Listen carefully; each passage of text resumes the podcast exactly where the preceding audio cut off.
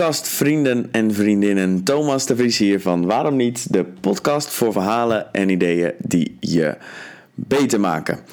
Eerste aflevering van het nieuwe jaar, dus ehm, ja, een beetje laat, maar niet minder gemeend. De beste wensen voor het nieuwe jaar. Ik hoop dat jullie allemaal eh, veel nieuwe goede voornemens hebben gemaakt. En die ook nog steeds 13 dagen na het eerste van het nieuwe jaar aan het uitvoeren zijn. Ik uh, heb er weinig gemaakt dit jaar. Alleen dat ik wat uh, rustiger aan wil doen de komende periode. Ik ben namelijk uh, nou ja, de hele maand december aan het feesten geweest. Ik ben met vier Canadese vrienden naar Bali geweest. En nou, om het samen te vatten, het was alsof ik net klaar was met mijn VWO.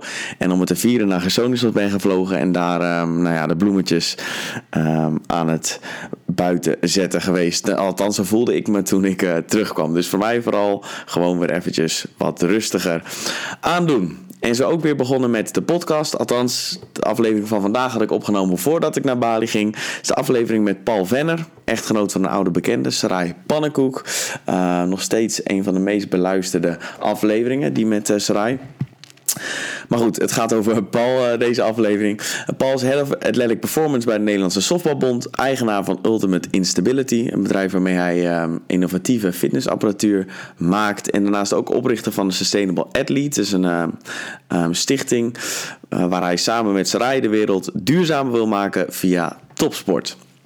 Uh, ik had het erg goed naar mijn zin uh, toen ik met Paul praatte. Vooral omdat het gewoon een interessante gast is. Uh, ja, interessant is ook een stopwoordje tijdens het interview.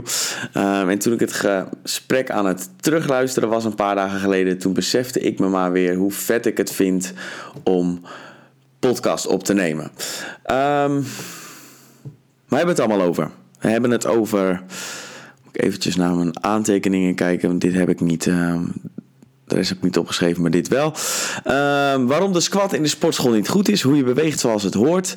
Hoe je fitter wordt door je omgeving te veranderen. Waarom mensen moeite hebben om überhaupt te veranderen. Wat er echt belangrijk is in het leven. Complexe systemen en simpele regels. Waarom het goed is om tegelijkertijd student en leraar van het leven te zijn. Waarom het goed is, nou die heb ik al gezegd, waarom we in het Westen juist een grote verantwoordelijkheid hebben om wat duurzamer te leven. En als laatste hoe we stemmen met onze keuzes. Ik hoop dat je de aflevering net zo tof vond als dat ik het vond om Paul te interviewen.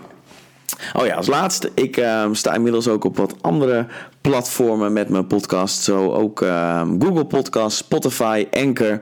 Dus eigenlijk is er gewoon geen excuus meer om me een keer te beluisteren. Maar goed, dat ben je al aan het doen, dus dat geldt eigenlijk niet voor jou. Goed, genoeg ouwe woord. Veel plezier. Spreek je snel. Doei.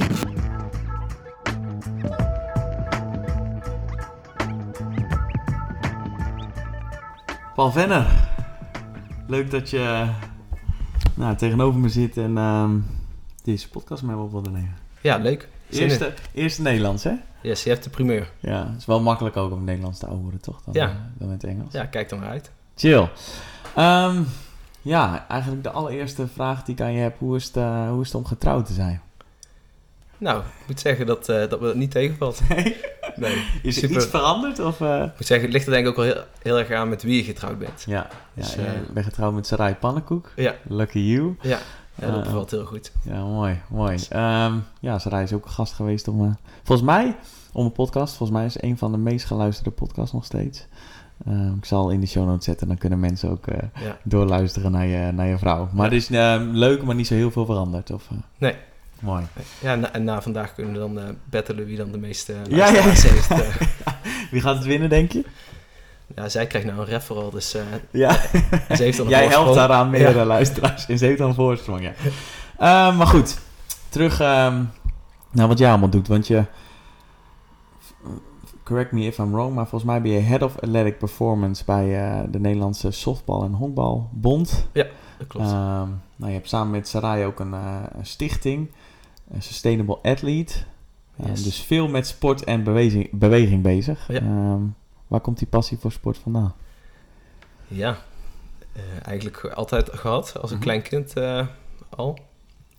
Um, ik ben opgegroeid in, in een klein dorpje. Waar? Baaksum. Oh, in the middle of Limburg City. Ah, oké. Okay. Um, dus een heel klein dorpje. Ja, daar standaard natuurlijk uh, voetbal, uh, judo en uh, tennis. dat Ja, is judo, beetje- eh, is judo een eh, standaard... eh, Ja, in ieder geval, dat, dat hadden we daar dan. Dat was een beetje de keuze. in het dorp Eh, was het judo, dus- voetballen en de tennis. En ehm, ik was altijd heel fanatiek. En op een gegeven moment in de winterstop eh, ja, ging ik eigenlijk een beetje hardlopen voor mijn eh, conditie te onderhouden. Ja. En ja, dan ging ik bosloopjes doen. En het ging eigenlijk wel eh, vrij goed af. Dus ik ging ook wedstrijdjes doen en eh zo'n beetje in atletiek gerold. Oké. Eh, en dat vond ik eigenlijk super leuk, want wat ik daar heel erg merkte was dat, eh, eh, ja, dat je en gewoon heel erg direct geconfronteerd wordt eigenlijk met wat je, wat je prestatie is en wat je doet. En dat je zelf dus ook heel veel invloed hebt op eh, beter worden. En, En direct geconfronteerd met je prestatie bedoel je dat je, je loopt en heb je een tijd. Of je doet iets en je krijgt gelijk het resultaat van wat je doet. En als je precies, oefent, dan zie je ook direct dat je beter wordt. precies. Ja. En, en in teamsport ja, ben je ook afhankelijk van anderen. En Mhm. ja, als dan, eh, dat kan natuurlijk heel leuk zijn als je ja, zeker ook een, een, een goed team hebt. Maar als, als je denk in, in ambities, zeg maar, als dat niet matcht, Mhm. eh, ja, dan kan het ook best frustrerend zijn. Dus als ja, jong kind vond ik het eigenlijk fantastisch dat ik ja, in atletiek gewoon helemaal zelf Oh ja, je mijn- was... eh, mijn fanatieke eh, drive zeg maar, kon, kon volgen. Ehm, en en dus, zo is dat eigenlijk een beetje gegroeid en, en eigenlijk heel snel Maar gegroeid het individuele, dat vond, dat vond je fijner of beter dan, eh, dan teamsporten? Ook wel teamsporten geprobeerd? Ja, dus, dus ik, beide. ik- ja, zoals elk jongetje natuurlijk jongens vaak gevoetbald. Ehm, en daar was ik niet super goed in, maar ik was wel super fanatiek. Oké, Eh, ik ben altijd heel fanatiek geweest. eh, mooi. en eh, ja, beter willen worden, willen winnen, eh, bezig willen zijn. Maar ik kon ook niet stilzitten, dus eh, eh, ja, gewoon altijd heel erg bezig geweest. Oké. En ja, die, die, die passie, eh, ja, die werd echt steeds groter. Maar ook die, die zoektocht dus in van, ja, wat kun je eigenlijk allemaal doen om beter te worden? Mhm. En daarin, ik merk, juist omdat ik dus ook in zo'n klein dorpje zat, was ik ook heel erg op mezelf aangewezen. Zeg maar bij die, ik zat bij een kleine atletiek vereniging en daar waren eigenlijk niet echt coaches, gewoon een paar ja, welwillende ouders.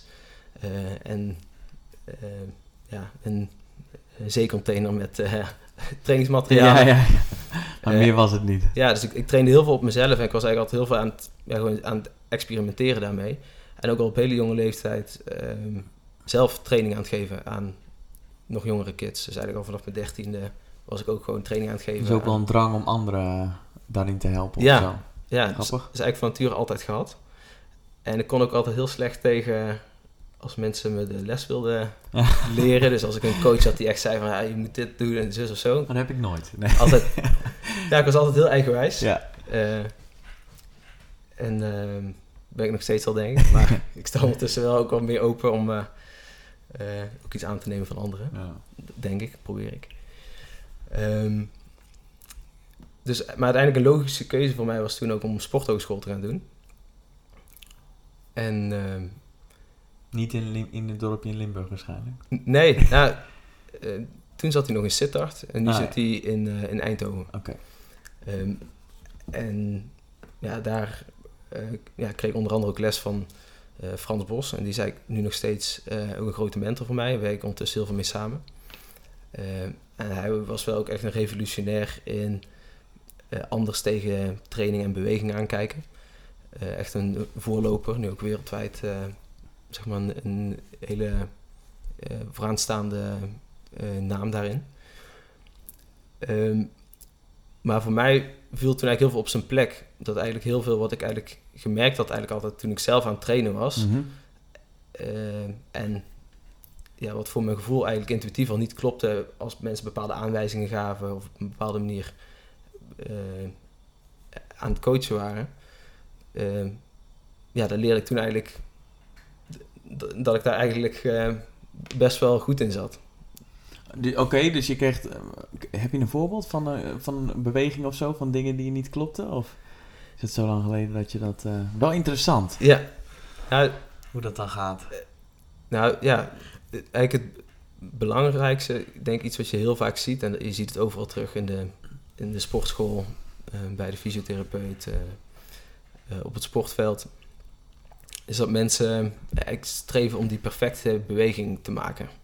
Hè, dus dat je dan bijvoorbeeld in de sportschool uh, iemand is aan het squatten en dan staat er zo'n trainer langs en die gaat, staat dan precies van, ah ja, dat knietje moet net even een centimetertje meer zus en Mhm. net eh, iets verder doorbuigen en dit en dat. Ja.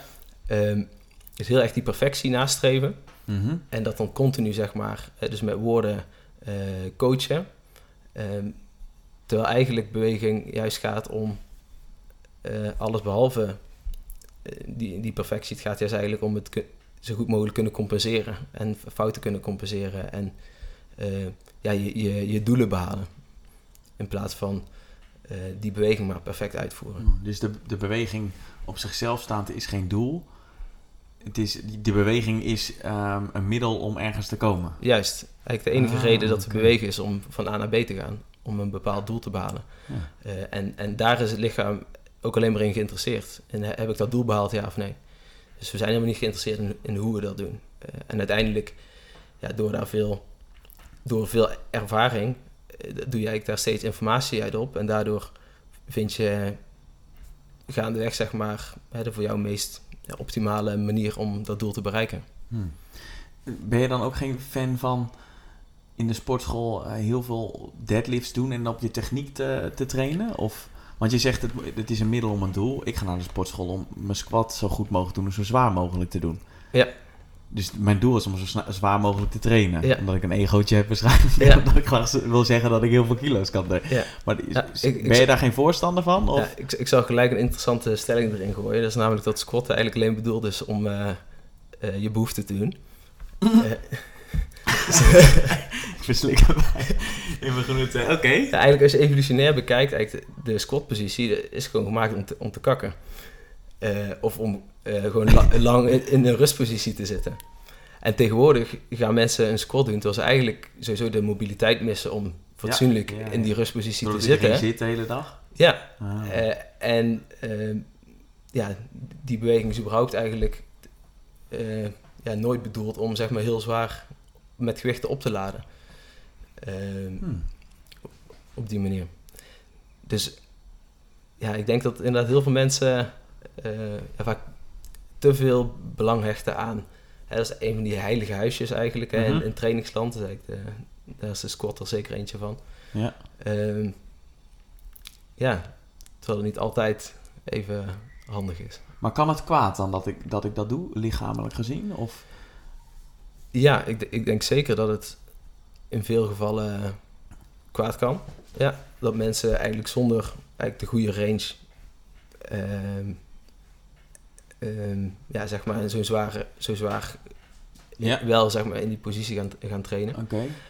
Aan de, an- aan de andere kant, ehm, ik zeg ook niet zeg maar dat, dat het nooit een goede functie heeft. Nee. Ik bedoel, ik, ik squat zelf ook wel eens. Ja. En ik laat mijn atleten ook wel Het eens is nooit zwart of wit, dus maar Nee. oké, oké, dat... En, en, maar daarom is het wel denk ik belangrijk, weet je, dat mensen, eh, ja, weet je, zoek ook goede professionele begeleiding. Weet je, dat, laat dus me- eh, mensen echt met verstand ervan eens een keer naar kijken. Eh, Na je beweging. ja, bijvoorbeeld ook, en, en überhaupt naar je eigenlijk hele trainingsprogramma, afhankelijk van wat je doelen zijn. Oké. Ehm, ik denk, ja, kijk, dat kost dan misschien eenmalig, is het een iets grotere investering, maar uiteindelijk Ja. levert het zich op lange termijn eh, wel uit. Eh, En bedoel je met iemand een personal trainer dan of zo? Of een bewegingsspecialist? Of ja, moet bijvoorbeeld. ik dan aan denken? bijvoorbeeld. Ehm, maar dan kom je gelijk weer bij een ander probleem. Dat is namelijk dat ehm, ja, het is heel lastig om eh, te weten, zeg maar, wat het niveau en de kwaliteiten en de competenties van iemand zijn. Ja. Omdat het eigenlijk het is niet echt een, een heel erg beschermd eh, beroep. Mhm. Dus je hebt nogal veel verschil in, eh, in niveau daarin. ja. Ehm, Zijn er dingen waarvan je kan zeggen, nou, dat, dat zijn wel indicaties dat iemand competent is? eh, nou, ik denk dat het belangrijk is om te kijken wanneer iemand niet competent is. Oké, nou, dat is Eh, misschien veel beter. Dat is misschien veel Dus beter. om dat al uit te sluiten. Ja, ik denk, weet je, als, als iemand alleen maar aan het tellen is, weet je, eigenlijk er heel serieus na, naast staat en eh, herhalingen af aan het tellen is. Ja, dus een personal trainer die eh, eh, van, van 10 tot 0 en voor de rest niks zegt. Ja, dan denk ik meestal van, ah, ehm, Nou, misschien is dat heel ingewikkeld. Ja. Van 10. Zou kunnen het aan. Oké. ja. Ehm, ja, ik denk een bepaalde mate van eh, creativiteit en variatie is heel belangrijk. Oké. Ehm, en, en dat is natuurlijk ook... Kijk, ik, ik kom zelf uit de topsport, dus ik, ik heb, heb redelijk weinig ervaring met... eh, eh, ja, gewoon generiek Ja, en, en. Ja, ja. Ehm, maar ik denk dat ja, als, als iets is wat, wat gewoon belangrijk is, dan is het ja, variatie. En, ehm, en ik denk ook, ehm, ja, dus, dus do- doelgerichte oefeningen, Mhm.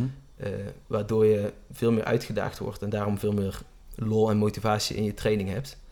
Eh, want Wat zorgt dat mensen het volhouden en dat Ja. ze het met lol blijven Ja. doen. Ah, Want eigenlijk wat we heel vaak denken, en dat komt ook voort uit diezelfde gedachtegang hè, van het streven naar, naar perfectie, is dus van hè, dat we geen fouten mogen maken. Ja. En dan zie je dus ook vaker aan mensen van dan maken ze een bepaalde fout en dan zijn ze gelijk helemaal over de rooien van ah, shit. eh, of, of, of ze geven op van ah, ik kan het niet. Ja. Of ze, ja, ze balen enorm. Eh, terwijl eigenlijk moet je juist continu de randjes op gaan zoeken dat je juist continu fouten aan het maken bent. En dan kom je dus ook gelijk bij het punt waarom dat als je dat met, alleen maar met zware gewichten traint, dan, dan kan dat ook niet. Dan is er eigenlijk weinig marge om, om fouten te maken. Want als je met een kromme rug eh, gaat squatten, ja, dan krijg je nog eerder Ja, ja, klachten bijvoorbeeld. Oké. Ehm, Maar je zegt, ik hoor je ook zeggen, je, je moet juist vaak je fouten maken om... En dat zeg je dan met een iets minder gewicht of zo? O- o- o- Ja. Hoe bedoel je dat? Ja, nou dus dat eigenlijk kun je... eh, Bij training gaat het eigenlijk om overload. Ja. Hè, dat je eigenlijk net iets, iets meer doet dan dat je gewend bent. En daardoor eh, gaat het lichaam zich aanpassen eh, Ja. en word je beter. Ja, zo werkt spieropbouw ook, maar ook het verbeteren van je atletische eh, Ja. Want, want, prestatie. ja, want eigenlijk overload, dat wordt veel te vaak alleen maar bekeken vanuit eh, meer gewicht eh, of meer herhalingen. Ja. Of meer volume. Eigenlijk, dat zijn eigenlijk de Ik twee... noem echt alle clichés op. Ja. ik zie het. Ja, alweer zo'n cliché. Ja. Wat mooi. Ja, terwijl eigenlijk overloaden op zoveel andere manieren kan. Dus je kan ook eh overloaden doordat je coördinatief een veel moeilijke oefening doet. Waardoor je eigenlijk je hele zenuwstelsel en eh, ja, al, de hele samenwerking van heel je lichaam veel meer wordt uitgedaagd. Eh, Je kan ook overload creëren door de snelheid Hmm, heel erg te verhogen. Eh, waardoor eh, ja, ook het systeem veel meer onder druk komt te staan. Oké, dus je hebt verschillende manieren waarop je je grenzen op kan zoeken. Op Ja. snelheid, op, wat Ja. zei de coördinatie, Ja. gewicht. op, eh, hè, dus door, eh, door verstoringen aan te brengen. eh, waardoor je eigenlijk continu dus meer moet corrigeren. Oh, Eh, ja. dus dat is ook Een een oefening hele... op een bal of zo, een squat op een bal. Is dat, is dat een voorbeeld ervan? Of is dat weer een cliché? Ja, da, da- ja, daar ben ik geen fan van. Eh, en, maar, maar dat is wel inderdaad typisch, eh, wel dat je dat benoemt. Want dat is vaak wel het eerste waar aan gedacht wordt als, ehm, ja, als, als mensen... eh, als je dan kijkt dus naar stabiliteit en hè, bijvoorbeeld dus instabiliteit in je training toevoegen. Ja, het eerste waar mensen aan denken is natuurlijk inderdaad op een wiebelende ondergrond gaan staan. En ja, voor je het weet ben je met een circus act bezig en sta je op, op zo'n eh Swissbal eh, Ja, inderdaad te staan. Ehm, ja, wat prima kan zijn voor ja, als je misschien eh, een ruiter bent of een surfer of een skateboarder. Mensen die zeg maar ook continu met een instabiele ondergrond Ja. Ja. werken. Ja. Ehm, en dat Maar- pakt weer terug op het doel wat je zegt. Als je surfer bent, dan is het doel om heel ja, stabiel te zijn. En dan is zo'n eh, zo'n oefening functioneel. ja. Eh, maar in heel veel gevallen, als jij op het eh, voetbalveld staat, dan is die ondergrond misschien wel stabiel. Maar dan is, heb je juist een verstoring van buitenaf. Dus dat je een, een voetbalspeler hebt die een duw geeft. Of dat je moet reageren op, op een situatie. Ja. Ehm, dus eh, ehm, ja, dus heel erg kijken inderdaad naar, naar wat gebeurt er eigenlijk in de context van het dagelijks leven. Ja. ja, dat was eigenlijk mijn volgende vraag. Want je hebt het steeds over een doel en daar de functionele oefeningen voor kiezen. Stel dat je een persoon hebt die ehm, met een kantoorbaan en die gewoon fit wil zijn en niet, niet een topsporter, dus niet het maximale uit lichaam, maar wel gewoon normaal willen functioneren en niet op een 50 helemaal krom lopen en Ja. gewoon eh, nou, fit in het leven staan. Wat zijn dan, Ja. wat zou je daar voor tips voor geven? Ja. Wat zijn dan? Je omgeving veranderen. Eigenlijk de grootste tip is, is je omgeving veranderen. Want uiteindelijk, eh, Hoe bedoel je dat? Is, is dit de assumptie dat mensen niet sporten? Of nou, bedoel je zelf, nou, zelfs als je sport, dat eigenlijk ja, je bent een product van je omgeving. Je, je beweegt altijd in relatie tot je omgeving. Okay. Uh, en als jij uh, ja, acht uur achter een scherm zit in een mhm. stoel ja. uh, en daarna zit je thuis op de bank, mm -hmm. Daarvoor zit je nog in de auto ja. en dan ga je naar bed en breng dus eigenlijk je hele leven zittend en liggend door, ja, dan hoef je niet te verwachten dat je van een half uurtje sporten, dat dat je heel veel gaat helpen eigenlijk waar je veel beter naar zou kunnen kijken is... kan ik niet uh, mijn bank uh, uit huis uh, doen en hmm. op de grond gaan zitten? Jij zegt, eigenlijk zeg je dat het... Als ik je goed begrijp, dan is het niet dat half uurtje of dat uurtje per dag sporten... maar dan zijn het ook die uren lang achter een bureaustoel... en die uren op een bank die ja. eigenlijk voor heel veel... Ja. Oké. Ja. En, en eigenlijk als je dus nog een stapje verder kijkt... is ehm, eigenlijk het meeste gedrag dat we hebben is onbewust. Uh, dat, daar ben ik me van bewust. En, ja, dus daarvan bewust zijn is al, is al één. Ehm, maar zeker als het aankomt op beweging. Uh, ik bedoel, ik geef mensen soms wel eens uh, de uitdaging, dus dat is misschien wel leuk ook voor de luisteraars. Ehm, nou, ik zie dat jij er ook een leuk elastiekje om hebt. Nou, mm ik, geef jezelf maar eens de uitdaging om elke keer als je gaat zitten aan die elastiek te trekken om je pols. nou, en kijk op het eind van de dag maar eens hoe je het ervan afgebracht hebt. Ja, dan zul je erachter komen dat heel vaak dat je al bent gaan zitten en dan denk vervolgens een keertje denkt van oh shit, ik had ik, ik, heb mijn opdracht niet uh, gedaan, zeg maar. Ja. dus er zit dat, omdat dat eigenlijk al onbewust gebeurt, omdat mm -hmm. eigenlijk de omgeving waarin je, waarin je je bevindt, die nodigt uit tot actie. Er zitten zoveel associaties bij een bank, namelijk je ziet hem en je gaat erop zitten. Ja, dus als we een bank zien, dan, dan denkt ons uh, brein niet uh, bank, maar dan denkt ons brein zitten. zitten. Ja, dus gewoon conditionering. Er is zo vaak een bank geweest waar je op gaat zitten, dat in plaats van dat je, dat je hersenen de bank zien, zien ze zitten. Ja, eigenlijk zelfs nog anders. Het is zelfs, en dat, dat in de wetenschap noemen ze dat uh, de theorie van di directe perceptie. Dat is, wij denken in actiemogelijkheden. Ah. dus eigenlijk ons hele brein, ons hele zenuwstelsel is ingesteld op, op actiemogelijkheden. Ehm, want dat is zeg maar wat het direct waarneemt. Ehm, en ehm, ja, dus hoe meer actiemogelijkheden jij hebt, zeg maar, die je continu uitnodigen om maar lekker in je comfortzone te zitten, mhm. ja, hoe meer je die natuurlijk ook op gaat zoeken. Want uh, ook, ook, dat is eigenlijk evolutie. Uh, vroeger was het natuurlijk, uh, was je heel blij als, als, je het even comfortabel had. dus daar zijn natuurlijk heel erg op geprogrammeerd om ja altijd de comfort op te zoeken. Ja, uh, omdat je toen al heel vaak in, uit de comfortzone zat. Ja, dat, dat zat in de natuur. Dat zit Net met suikers. Als we suikers eten, denk ik, oh, we moeten meer suiker, want dat is schaars. En dat hebben we niet altijd. Ja, absoluut. Okay. Uh, eh, en uh, nu is het eigenlijk gewoon totaal op zijn kop gezet. ten opzichte van dus waar, waar wij evolutionair op voorbereid zijn. En moet je juist eigenlijk continu de, uit de comfort. En dat juist opzoeken. En eigenlijk jezelf gaan trainen. Dat, ja, eigenlijk als je je te lang comfortabel voelt, dan moet je eigenlijk af gaan vragen... Uh, ben ik wel goed bezig? Hmm. Dan moet je eigenlijk uh, actie gaan ondernemen. Hoe doe je dat zelf? Heb je speciale triggers of zo? Of momenten ingebouwd dat je bij jezelf afgaat? Zit ik nou in de comfortzone? Of heb je iedere dag dat je s'avonds in bed ligt en je zegt van... heb ik vandaag wel mijn comfortzone, uh, uit mijn comfortzone getreden? Ja, dus dat is eigenlijk dus wat ik probeer te zeggen. Is, dus dat ik eigenlijk mijn omgeving dan zo bouw dat ik dus automatisch wel uit de comfortzone zit. Dus ja, wij hebben inderdaad geen, geen bank uh, in ons huis. Ik zie het, ja. En ook geen tv, nou, dus dan heb je eigenlijk al geen bank meer nodig. Oké. Okay. Uh, eh, maar het betekent ook dat, uh, ja, dat je... ja, op de grond kun je ook prima zitten. als je, je lichaam gewoon mobiel genoeg is, en je, zeker met een zitkussen... Maar dan ga je automatisch al ergens gewoon in andere posities zitten, waardoor je eigenlijk gewoon al aan je mobiliteit aan het werken bent.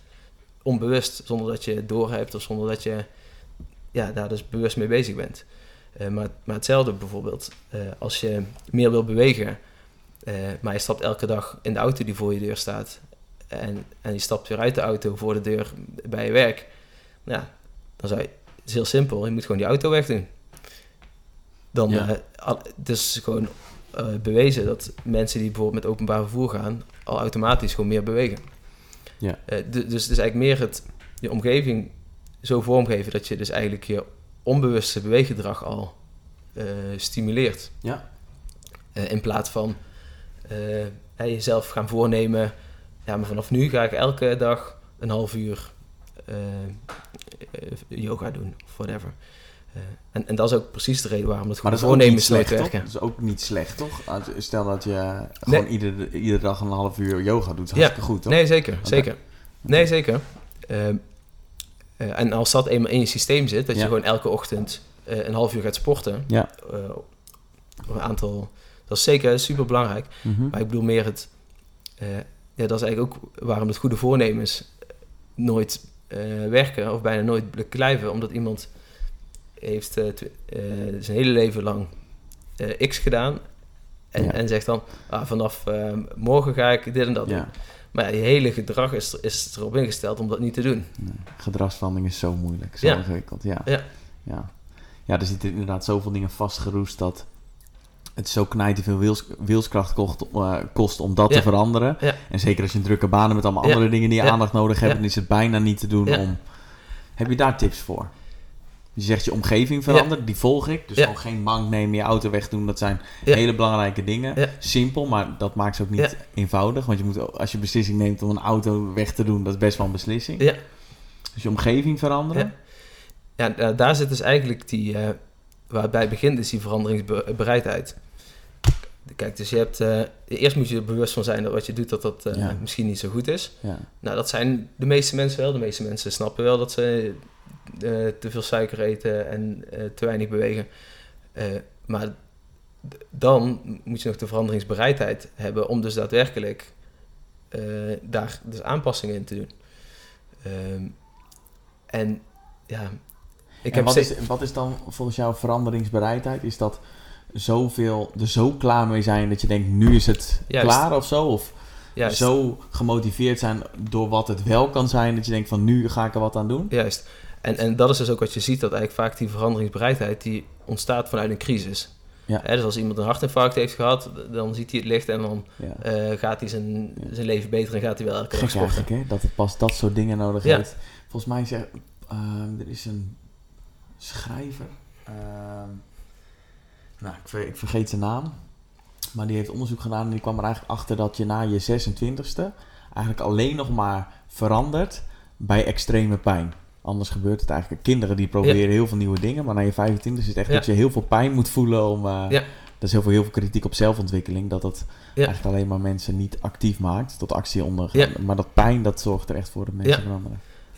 Ja, dus dan, zijn, dus dan is de tip... eh, is, eh, ga, Heel veel pijn. ga, die- ga die crisis aan. Nee, maar het, het is wel zo. Want, eh, en ik heb steeds meer het idee dat, eh, dat dat komt omdat we dus eigenlijk dus die directe feedback missen. Dus we hebben niet die directe koppeling tussen... Oh, ik drink eh, cola en eh, dat is slecht voor me. Ja. Want die diabetes, die komt pas 20 jaar later. En dan is het in één keer van, oh goh, ik heb diabetes, wat gek.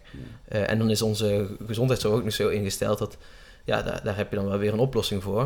Maar dat is eigenlijk geen oplossing, dat is gewoon een, een, een pleister, een het symptoombestrijding.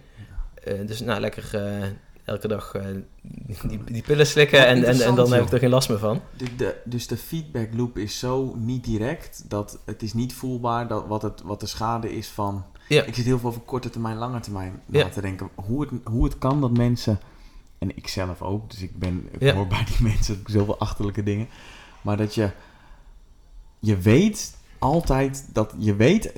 De lange, je weet dat het slecht is. Roken is slecht, voor drinken is slecht, voor suiker is slecht, voor niet bewegen is dat weet je. Ja. En dus als je voor de lange termijn kiest, dan zou je altijd wel voor wel sporten kiezen of Ja. niet roken. Maar omdat die, die lange termijn is zo moeilijk te voelen in het moment, zeg maar. Of Ja. om mee te nemen in je beslissingsmodel. Ja. Ik, fascinerend. Maar dat Ja. die, een van de redenen is natuurlijk omdat die feedback loop, die is er gewoon niet. Ja, en het omgekeerde is juist, hè, dat eigenlijk op korte termijn word je juist beloond. Hè, er gaan allerlei triggers en Ah, toeters en ja, bellen af die jou natuurlijk hartstikke belonen voor, voor dat gedrag. Eh, en, en dat is eigenlijk het hele probleem. En, da- en daarom eh, eigenlijk in het algemeen eh, slechte dingen, tussen haakjes, eh, ja, die zijn vaak heel voldoenend, zeg maar. Hè. Direct heb je dus die instant eh, kick, eh, die instant Ja. eh, beloning. Ja. Maar op lange termijn schadelijk. En terwijl juist heel veel goede gedragingen, die kosten zeg maar juist even in, in het begin moeilijk. Ja. Of eh, moeite, Ja. eh, energie, Ja. eh, daar moet je iets voor doen.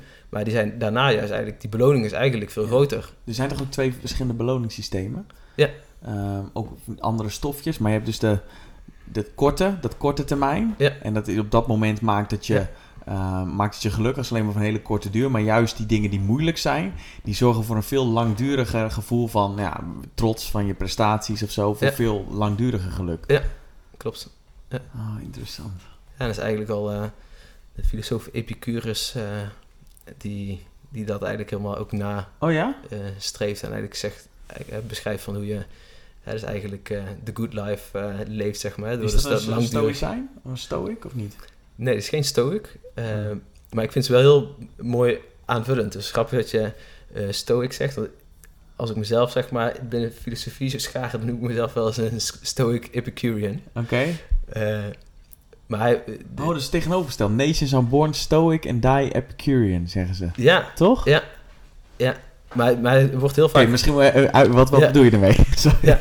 ik ga wel alle kanten. Ja. nee, zo vaak wordt... eh dus Epicurus die, die, die praat heel erg over...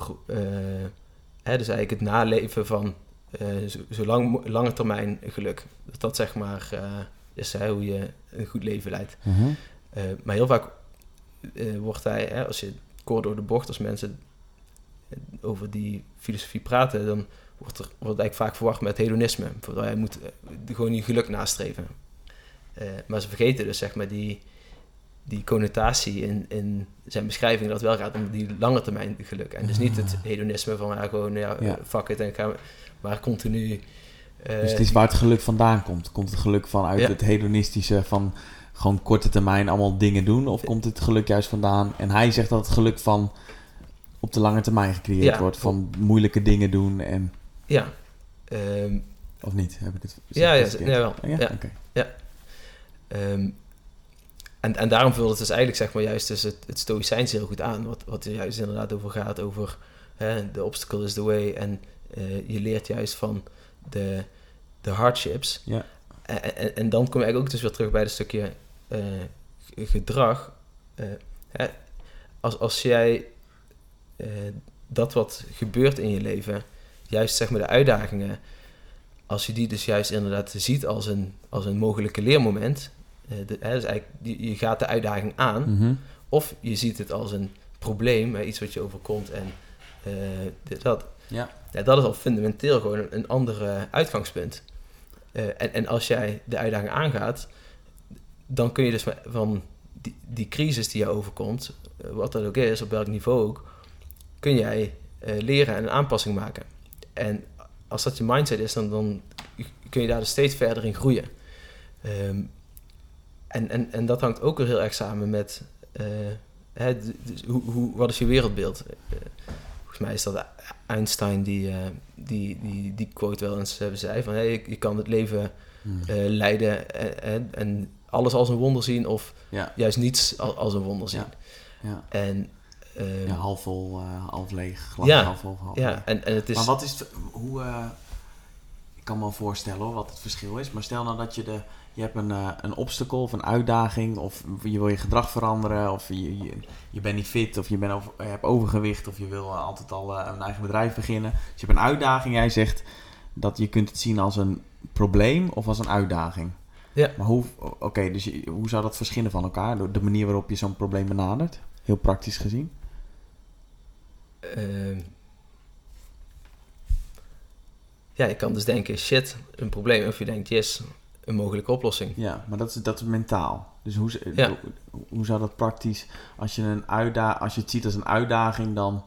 ehm, ga je er met meer enthousiasme in of zo? Of meer, met meer passie, dan zie je dat, van... Nou, ik, kan, ik, kan, eh, ik moet dit probleem, deze uitdaging oplossen of zo. Dan zie je het als iets positiefs. Terwijl als je een probleem ziet, dan Ja. ben je minder energiek of zo. Bedoel je dat? Of? Ja, ja, en ehm, dan ga je het dus ook niet uit de weg.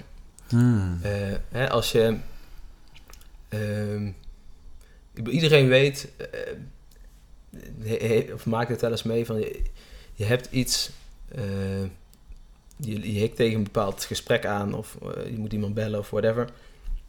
En ja, je hebt sowieso heel veel tegenzin, heel veel weerzin. Je wil dat niet doen. Je, hebt- je voelt het gewoon Ja. in je maag of in Ja. je lichaam. Ja. Eh, ja, dan kun je dat dus inderdaad gewoon steeds gaan uit, uitstellen of dat dan maar niet doen. Maar eigenlijk is dat juist hetgene wat je wat moet doen. Juist datgene waar je eigenlijk het meest tegenop ziet. Dus is vaak hetgene wat, wat juist eigenlijk het belangrijkste is om te doen. Eh, en, en hetzelfde is dat natuurlijk eh, ja, eigenlijk met alles. Weet je? En dus heb, heb je een bepaald probleem, ja, je ziet er heel erg tegenop om dat te doen. eh, ja, dan kun je het wel steeds ontlopen, maar, het probleem dat loopt eigenlijk steeds met je mee. Dus je loopt eigenlijk continu met een, zware rugzak eh, vol met, met stenen rond eh, te sjouwen de hele dag door. Eh, in plaats van ja, dat je gewoon aan het werk gaat en, en, en Ja. Gewoon daar een oplossing voor gaat vinden. ja. Eh, Is het iets wat jij ook doet? Eh, Als je, dat je, als je ergens tegenop ziet of ehm, iets moeilijk vindt, dat je dan juist dat doet? nou, het, is, het is moeilijk. Dus Of heb je het nooit, dat je op ziet? Jawel, zeker wel, zeker wel. En ja, het begint er natuurlijk bij om dat te, om dat te gaan herkennen. Eh, en ehm, ja, maar dat kan heel, heel confronterend zijn. Mhm. En ja, gaandeweg denk ik, als je dat telkens aangaat, eh, misschien zul je niet gelijk dan dat telefoontje plegen waar je zo tegenop ziet. Eh, maar dan ga je jezelf dus wel de vraag stellen: shit, waarom durf ik nou niet gewoon die telefoon te pakken en even op te bellen? Of waarom, eh, waarom druk ik op snoes en sta ik niet gewoon op en ga ik gewoon naar buiten? Weet je, want eigenlijk.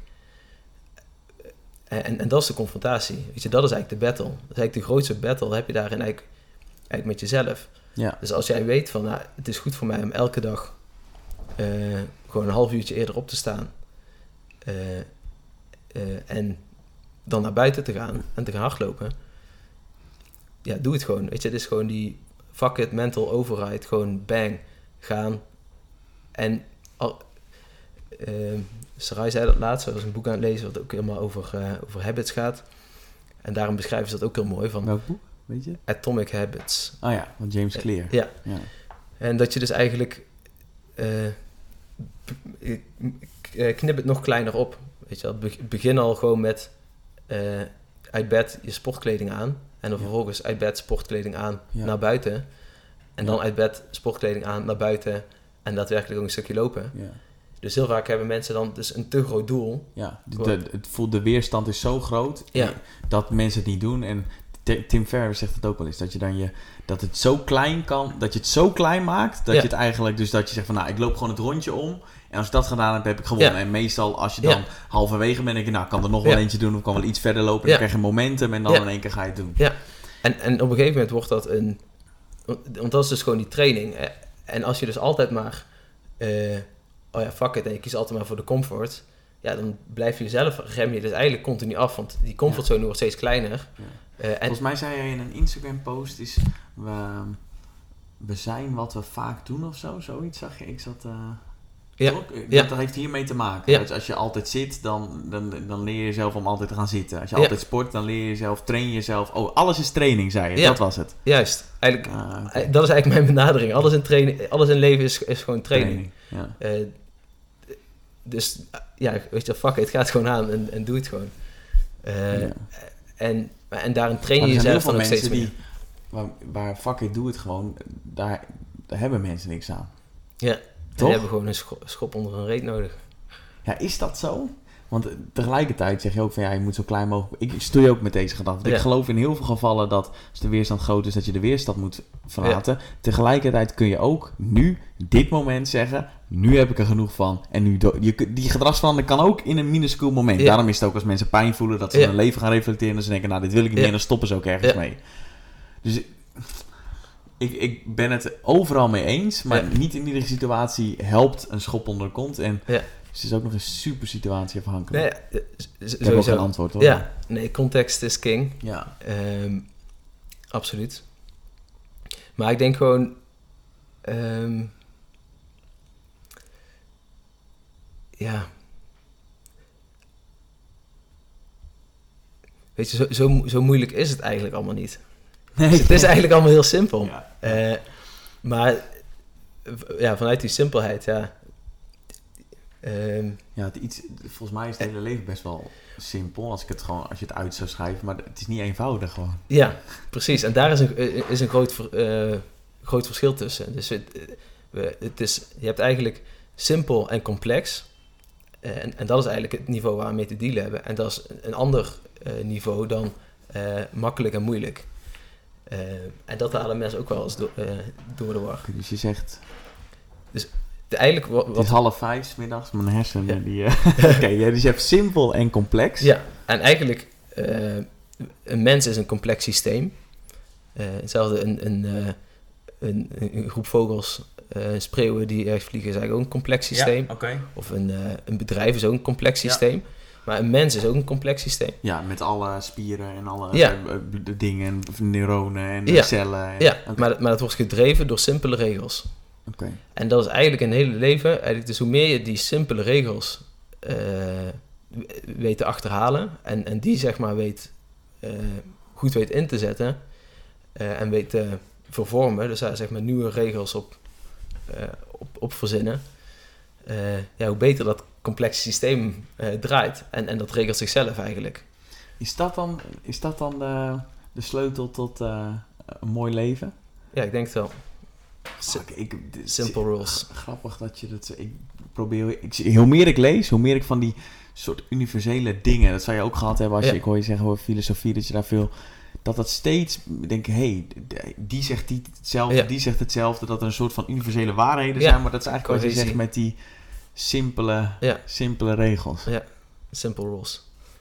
Ja, ja dat is echt de basis. Dus jij zegt dat het eigenlijk heel complex is, maar dat er simpele regels zijn. En als je die volgt, dan wordt dat complexe wordt eenvoudig. Ja, en dat regelt zichzelf eigenlijk. Dus dat is eigenlijk eh, zelforganisatie. Ja, zelforganisatie is natuurlijk, het wordt ook steeds meer een, een, eh, een hippe term, het wordt ook steeds beter begrepen. Eh, maar en, en zelforganisatie, eh, dus eigenlijk de, de, hoe een complex systeem zich stuurt en, en regelt, wordt gedreven door, door simpele regels. Oké. En, en dat is ook fundamenteel anders dan ja, wat de, en, en dat is ook wat het eh, zo moeilijk maakt vanuit onze denkwijze. Ja. We zijn eigenlijk heel erg opgeleid hè, vanuit, eh, ook vanuit de wetenschap, kla- klassiek reductionisme, hè, eh, westerse dat? wetenschap. Ja, dat is eigenlijk hè, dat als ik alle onderdelen bestudeer en hoe, hoe meer informatie ik verga over de onafhankelijke onderdelen, ja. hoe meer ik leer over het geheel. Ah. Terwijl eigenlijk, het geheel is niet zomaar de som der delen. Het is ook niet meer dan de som der delen. Het is anders dan de som der delen. Eh, want omdat in een complex systeem heb je allerlei interacties, eh, waardoor je, eh, dat kun je vooraf niet voorspellen en dat kun je vooraf niet in kaart brengen. Dus het enige wat je kan, in kaart kan brengen zijn welke regels drijven die interacties. Ja, oké. Oké. Dus aan welke knoppen kun je Ja. eigenlijk draaien Ah, eh, om, om het zeg maar te, te, nudgen.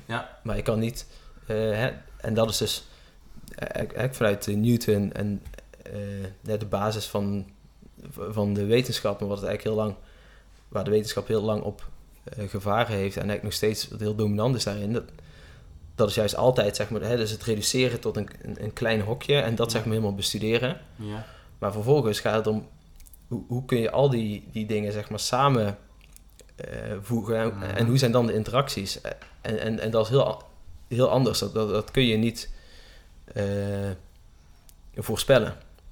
Dat kun je niet. eh, ja, je kunt wel gewoon de principes achterhalen en die volgen. En dan Ja. zijn de, de acties die daar, de dingen die daaruit voortvloeien. Die, Oké. Ja. Nu zijn we heel erg macro, heel erg de wolk ingegaan. Hoe, hoe maken we dit praktisch? Wat zijn voor jou simpele regels die voor jou, wat jou betreft, werken om een goed leven te krijgen? We hadden het over beweging, dat je zegt van nou, je omgeving, dat terug herleiden naar... Kun je er een Ja. aantal noemen? Kunnen we het praktisch maken? ja, toevallig eh, van de week eh, een reunie, een familiereunie. En er zei een 88-jarige super fitte, kwieke tante. Die zei eh, rust, reinheid, regelmaat. maar Mooi. Dus ik denk dat dat zeg voor, om, om te leven zeker eh, eh, wel, wel belangrijk kan zijn. Eh, maar ik, ik, ik zal het even ook terugkoppelen naar eigenlijk mijn kijk op, op bewegen. Exact. Ja, mooi. Ik ehm, hoef gewoon weer gewoon stil en dan kun jij gewoon... Ja. mooi. Ehm, dat. ehm, hè, dus, dus dat een beweging, we hadden het al over perfecte beweging. Dat dat eigenlijk dus eh, een illusie is, dat bestaat niet. Ehm, maar, eh, dus je wil eigenlijk, zeg maar, die beweging trainen juist eh, onder verandering. En dat is dus juist dat, hoe, hoe beter je zeg maar, om kan gaan met verstoringen, hoe, hoe stabieler die, die beweging wordt. Oké. Dus eigenlijk hoe meer je zeg maar, om kan gaan met verschillende variabelen, Mhm. hoe beter je uiteindelijk leert te achterhalen wat die simpele regels zijn. Ja, dus als je gewoon heel, heel veel verschillende situaties terechtkomt, daar word je ervaren door en dan wordt het sterker van. Ja, dan heb je eigenlijk een, een soort filter waardoor je zeg maar, uitfiltert van oh ja, die eh, punten eh, werken heel goed. Mhm. En die zijn heel belangrijk en die Ja. moeten heel stabiel zijn. En Ja. die andere punten in de beweging, die, eh, daarmee kan ik het juist heel erg aanpassen. Eh, en mijn techniek aanpassen aan de omgeving. En daarom zeg je dat variatie ook zo belangrijk in, omdat Ja. je je lichaam dan juist blootstelt aan Ja. allemaal verschillende... Ja. Dus je leert niet van de beweging, maar je, je leert van eh, de informatie die eigenlijk eh, uit de beweging vrijkomt. Oké. Ehm, en, en dus hoe meer je jezelf Dus je blootstelt aan verschillende je leert situaties. Niet van de beweging, sorry, je leert niet van de beweging, maar je leert van de informatie die voortkomt uit het doen van de beweging. Ja. Hm. Dus het- hetzelfde als met, eh, eh, en dit is eigenlijk op cognitief niveau, maar als ik jou een rekensommetje vraag Ja. en ik zeg, ja, wat is 3 keer 8? Eh, 24? Dat is 3 keer 8. 24? Ja, dan kan ik jou dat nog 10 keer blijven vragen. Aha. Maar je moet één keer nadenken, daarna leer je niet meer. Maar als ik jou nu vraag, wat is het 3 keer 8.2? 24,6. Ja, en wat is 3 keer eh, 7.9? Eh 3 keer 21, eh 23,7. Oké, en, nou, en als ik zo doorga, dan maak ik het jou heel Ben lastig. geslaagd voor de... Ja, ja, ik vond het eh, bijzonder knap. eh. ik, ik heb niet gecheckt of het waar was wat je zei, maar... ik, ik wist ook niet zeker. Ik denk, zeg maar wat, weet je wel. Dan komt het intelligent Ja. op. Maar ehm, ja, wat ik daarmee bedoel is, uiteindelijk leer je dan veel meer wat, wat rekenen eigenlijk inhoudt, dan als je alleen maar continu dat ene sommetje opdreunt. Ah, fuck, hè, dat is interessant. En, en dat dus nu, ik word, iedere keer word ik gedwongen om mijn hersens te gebruiken. ja, En als ik iedere keer dezelfde squat doe, dan is je lichaam zijn hersenen niet meer aan het gebruiken. ja. En, en eigenlijk je hersenen, eigenlijk je hele lichaam is slim, dus eh, eh, eh, je lichaam regelt ook heel veel, zeg maar, op veel lagere systemen dan op hersenniveau. Eh, maar inderdaad, dus, en je wil je lijf ook gewoon trainen. Dus door het continu andere informatie te geven.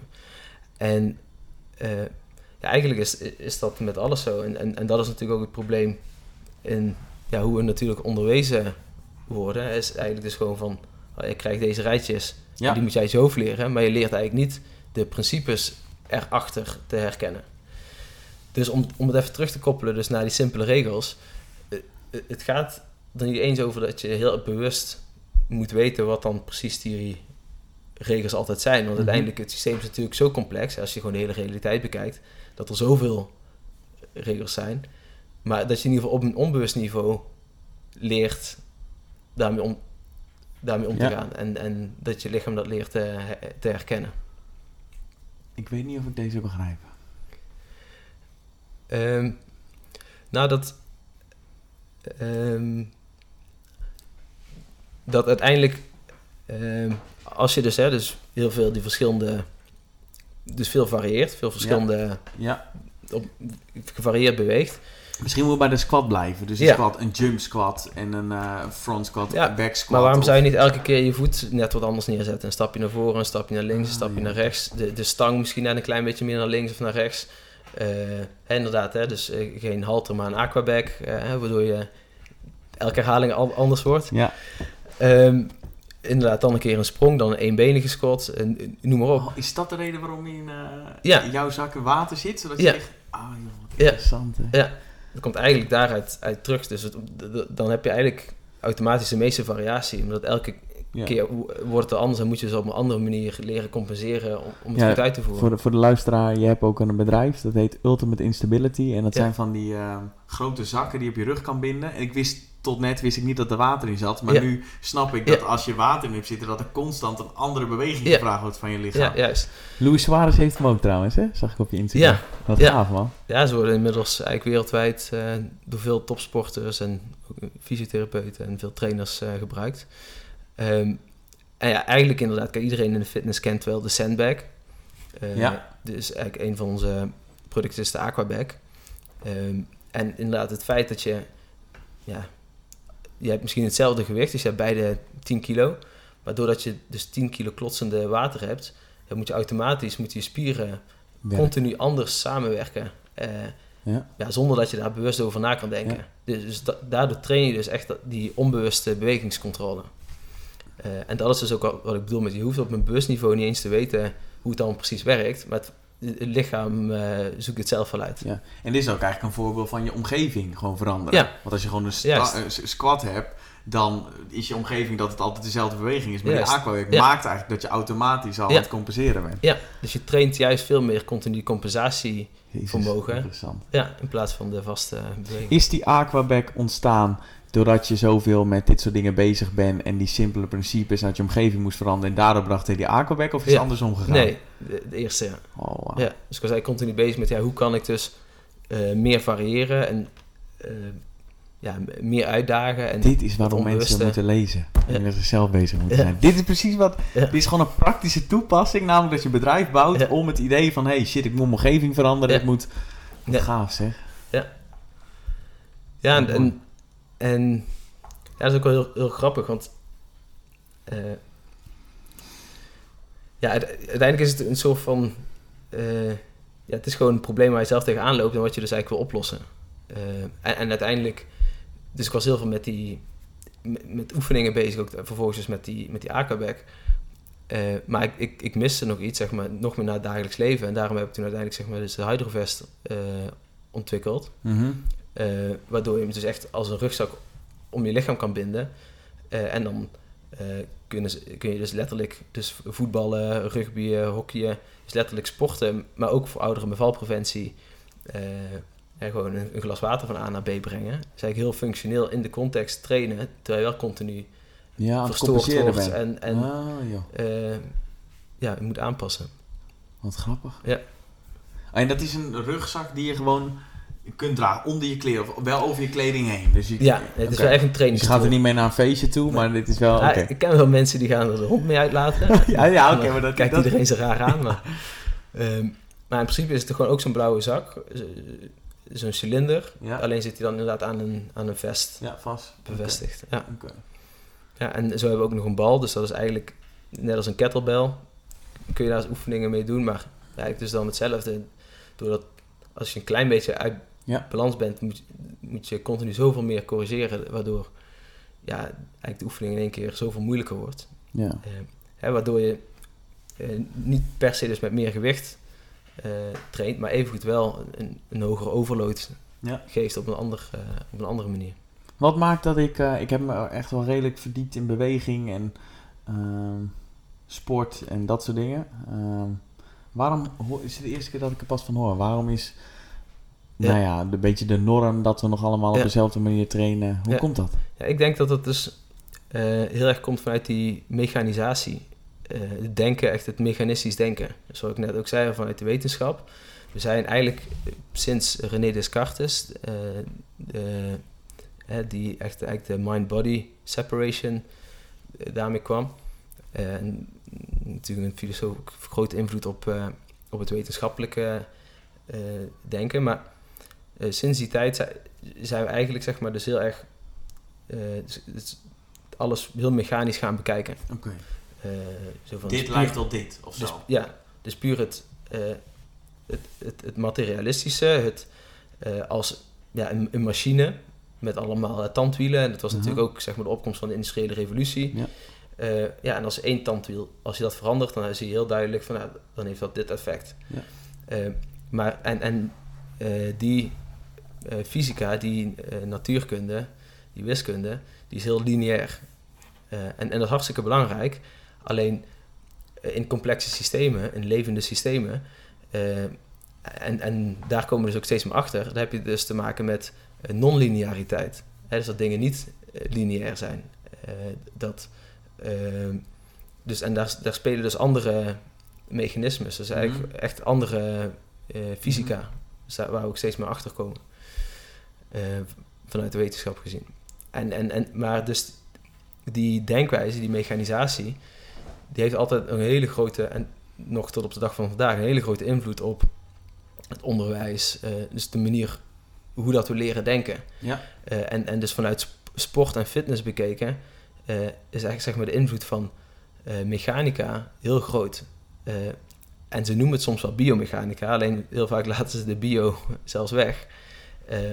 En het is, is heel me- mechanistisch. En het hele stuk van motorische controle en, eh, hoe leren we eigenlijk en, en eh, informatie en Ja. eh, die complexe systemen. Ja, dat zijn allemaal wetenschapsgebieden die, die komen nu ook wel steeds meer op. Dus dat is echt iets, wel een, een, een, sterke ontwikkeling. Ja. Maar dat is nog niet dat dat inderdaad doorgecijpeld is tot... Maar is dat mechanistische denken ook, zorgt dat ook in het dagelijks leven buiten sport voor problemen? denk ik Op wel. welke manier? Ehm, nou, we zijn fundamenteel verbonden met onze omgeving. Eh Ja. zij, Ubuntu ook, ik ben omdat wij zijn. Eh, dat is ook een, een zeg maar vanuit managementtheorie eh, een, een interessante. Ehm, maar eigenlijk letterlijk, ja, als je, je, je bent niet zonder je omgeving.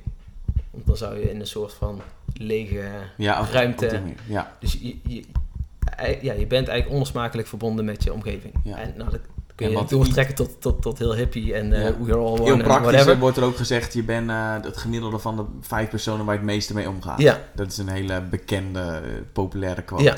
Maar daar geloof Ehm, ik heilig in. ja, maar dus waarom levert het probleem op? Is we zien vaak, we hebben ons ook zeg maar losgekoppeld van de natuur. Alsof de mens iets anders is dan de natuur. We zijn natuurlijk eigenlijk ook maar gewoon een stel apen eh, en hartstikke onderdeel van de natuur. Ja. En dat is natuurlijk iets wat we nu steeds meer merken, dat eh, ja, klimaatverandering. Ja. eh, En, ook en- als je een kipnugget eet, dat je geen idee hebt welk deel van de kip erin zit, hoe het gemaakt is, waar het vandaan Ja. komt, welke kip het is, welke Juist. mensen eraan hebben gezeten. ja, dat is, is allemaal helemaal gemechaniseerd, losgetrokken. Eh, d- dus je hebt helemaal geen directe feeling meer met, met je omgeving, letterlijk.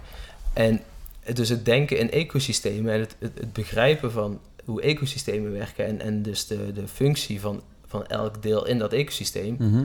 dat is zo'n complex systeem, dat, dat, dat maakt ook dat je dus beter in, in dat ecosysteem Functioneert. functioneert. Mm. Ja. Als je het begrijpt en je ermee verbonden voelt, dan kun je er ook beter in functioneren. Ja. Ah joh. Want we staan vaak dus heel erg losge, losgetrokken daarvan. En inderdaad, Maar oké, je... eh, di- di- dit volg ik wel. Dat als je het, niet, het systeem niet snapt, dat je dat voor probleem... Maar praktisch gezien. Dus ik woon in de stad en ik heb geen idee waar mijn eten vandaan komt. Ja.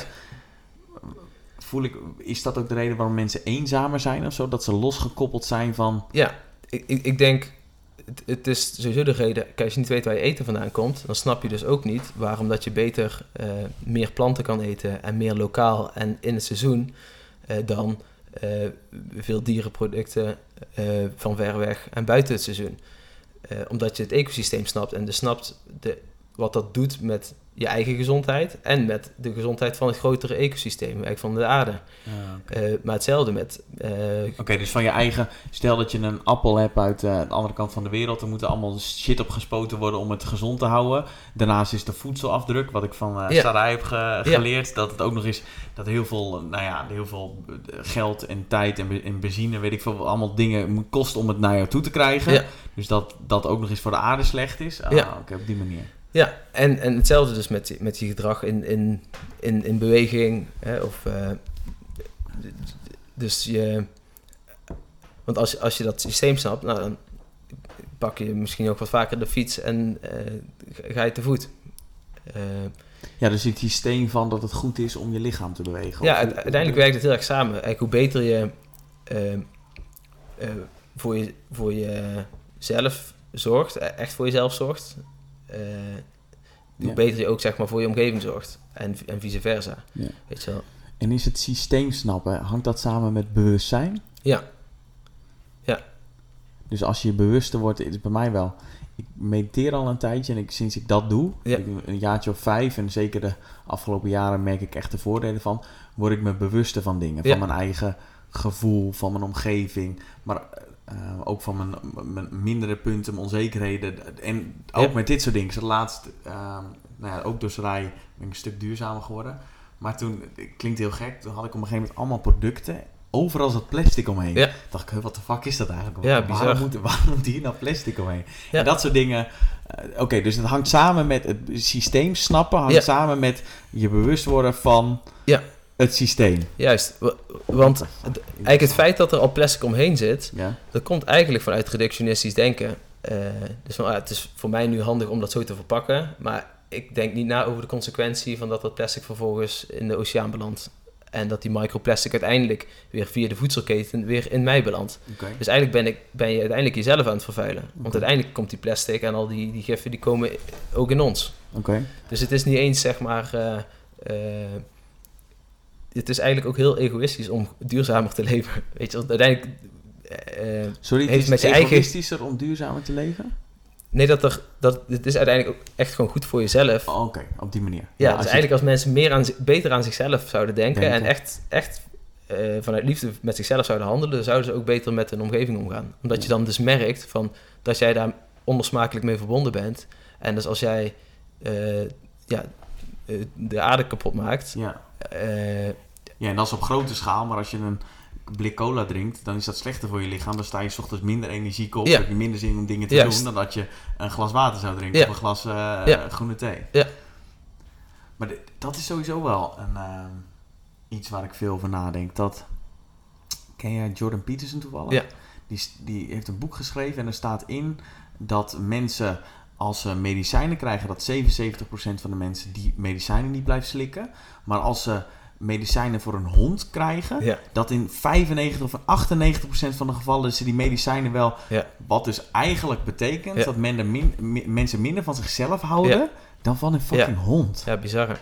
Hetzelfde met de auto. Hè. Mensen geven, eh, stoppen liever zeg maar, de, de beste olie in een auto, maar stoppen eh, inderdaad crapvoeding in, in zichzelf. Ja. Maar hoe- wa- wat, wat is dat? Ja, geen idee.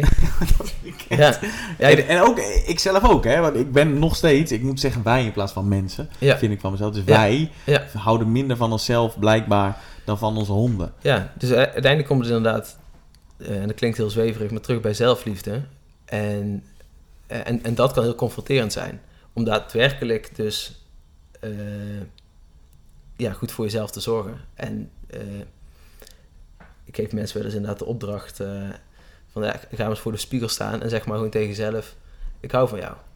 Eh, en je, je, je bent krachtig en prachtig en eh, whatever. Ik heb het ook wel eens geprobeerd. Dan, dan wordt het me iets te... Misschien kan ik het nog niet hoor. Misschien komt het wel omdat ik ook nog met allemaal dingen shit moet... eh, maar ik ik vind dat ingewikkeld. Ja, dat is het ook. En Maar hoezo is dat ingewikkeld dan? Omdat je dan... Als je dat niet vindt, dan moet je accepteren van jezelf dat je niet van jezelf houdt. En dan, dan na gaan denken over waarom dat dan zo is. Of... ik weet niet, ja. Ehm, Mijn vraag niet. aan jou was... eh, en misschien hangt het hier wel mee samen. Ja. Hoe word je bewuster? eh, nou, ik denk dat er zijn heel veel manieren voor, maar Hoe ben jij bewuster geworden? ehm, ja, ik denk het is, het is een, een, een proces, sowieso. En ik heb het eigenlijk altijd wel gehad, wat ik eigenlijk ook al zei. Dat ik, ik vond vroeger altijd al sommige dingen gewoon heel raar. Dat mensen op een bepaalde manier dingen deden. Dat ik dacht van ja, dat slaat eigenlijk nergens op, want waarom zou je het niet zus of zo? Eh, dus die eigen wijsheid heb ik eigenlijk altijd al gehad. Eh, en dus ook het onderzoekende van, ja, er is zoveel en, en dat verwonderlijke van, oh, er is zoveel, dat wil ik allemaal verkennen. Ehm, eh, dus ik denk dat je bewuster wordt door inderdaad hè, daadwerkelijk continu datgene aan te gaan en er niet voor weg te lopen. Dus inderdaad die confrontatie met jezelf en jezelf door die aan te gaan en die niet, daar niet voor weg te lopen. En concreet, eh, ja, is van alles. Weet je. je kan inderdaad yoga gaan doen, eh, training, weet je, ergens iets uitkiezen en voor jezelf daar met commitment naar jezelf toe, van daar helemaal voor gaan. En een bepaalde hobby, of inderdaad boeken lezen, plantmedicijnen, eh, ceremonies. eh, ja, er, het is natuurlijk een, een hele scala en het is voor iedereen net, ja, wat is, wat is goed voor jou, weet je wel. Daarna luisteren en, en dus inderdaad niet eh, ja, bezig zijn met, met anderen daarin, maar met name ook gewoon met, met inderdaad, hè, wie ben jij eigenlijk? Dus inderdaad, dat is eigenlijk die eh, persoonlijke ontwikkeling, eh, zoektocht naar jezelf. Eh, ja, wie, wie ben ik eigenlijk? Dat afvragen. Want we hebben ook heel vaak inderdaad allerlei identificaties met, eh, dragen we met ons mee. Allerlei labels. We plakken natuurlijk overal labels op. En dat gewoon gaan ontleden van, ja, oké, wat is dat eigenlijk? En dat, dus dat kan zijn met jezelf, het kan ook zijn met een object wat je voor je hebt staan van, wat is dat nou eigenlijk? Eh, en, en dan maar gewoon door blijven vragen. Dus ja, ik altijd vragen blijven stellen. Persoonlijk, oké, dat, dat is, klinkt als een hele slimme. Altijd jezelf vragen blijven stellen. Waarom is dit of zo? Waarom doe ik dit? Ja. Waarom doe ik dit zo? Waarom doet iemand anders dit zo? Waarom is dit zo? Waarom is dit... Ah, Ja. Is Iets waar ik ook vaak over nadenk. Dat er bepaalde maatschappelijke regels worden. Ik, bijvoorbeeld een 9 tot 5. Ja. Denk, hoe, hoe, hoezo is dat bedacht? Ja. Dus dat je van 9... Ik weet inmiddels, dat is vanuit de industriële revolutie... Ja. mensen die gewoon iedere dag naar de fabriek gingen om shit te doen. Ja, wa- wa- dat- waarom moet ik daar me aan conformeren of zo? Moet dat Ja. voor mij ook gelden? Of Ja. de verjaardag vieren. Dat vind ik ook zoiets raars. Ja. Dat je ieder jaar dan gaat vieren en dat je mensen die, en dit is op zich niet erg, want het is leuk om berichtjes te krijgen, maar dat je in één keer allemaal berichtjes krijgt van mensen die nooit vragen hoe het met je gaat. Van nee, gast, gefeliciteerd. Ja, Ja. thanks man, eh, weet je wel. Nee, Maar absoluut. de, allemaal dat soort. Dat zijn ook allemaal dingen die ik eigenlijk niet meer doe, dus... Ja, oké. maar dat is dus wel interessant, joh. Dat de vragen stellen, zowel bij jezelf. Ja. Dat is een mooie. Vragen stellen, oké. Ja, Dat is de dat is, echt, dat is denk ik echt de basis.